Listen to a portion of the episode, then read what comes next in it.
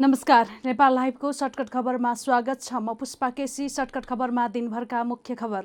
बाढी प्रभावित मेलम्चीमा पानीजन्य रोगको संक्रमण देखिन थाल्यो। एकै परिवारका पाँचजना आमा झाडा पखला। मेलम्चीमा करिब छ सय र हेलम्बुमा पाँच सय जना विस्थापित। नेपालमा कोरोना संक्रमणबाट थप एकाउन्न जनाको मृत्यु। दुई हजार चार सय बयालिस जनामा संक्रमण पुष्टि।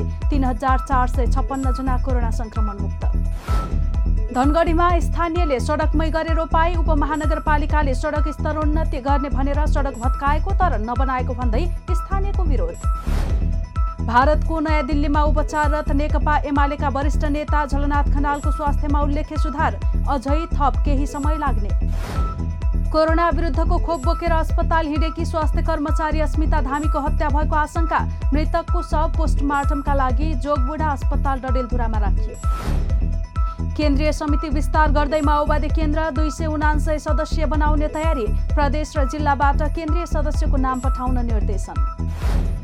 जातका कारण कोठा नदिएको आरोपमा बबरमहलबाट घरबेटी पक्राउ। तीन महिनादेखि तीन वर्षसम्म कैद र पचास हजारदेखि दुई लाख रुपियाँसम्म जरिवाना हुन सक्ने।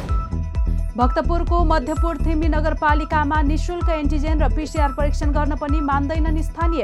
अपेक्षाको करिब दस प्रतिशत सर्वसाधारण मात्रै एन्टिजेन परीक्षणमा सहभागी। कोरोना भाइरस विरुद्ध आफ्ना नागरिकलाई चिन्ने लगायो एक अर्ब भन्दा बढी डोज खोप। संसारभरि दुई अर्ब पचास करोड डोज कोरोना खोप लगाइएकोमा चिनमा मात्रै चालिस प्रतिशत।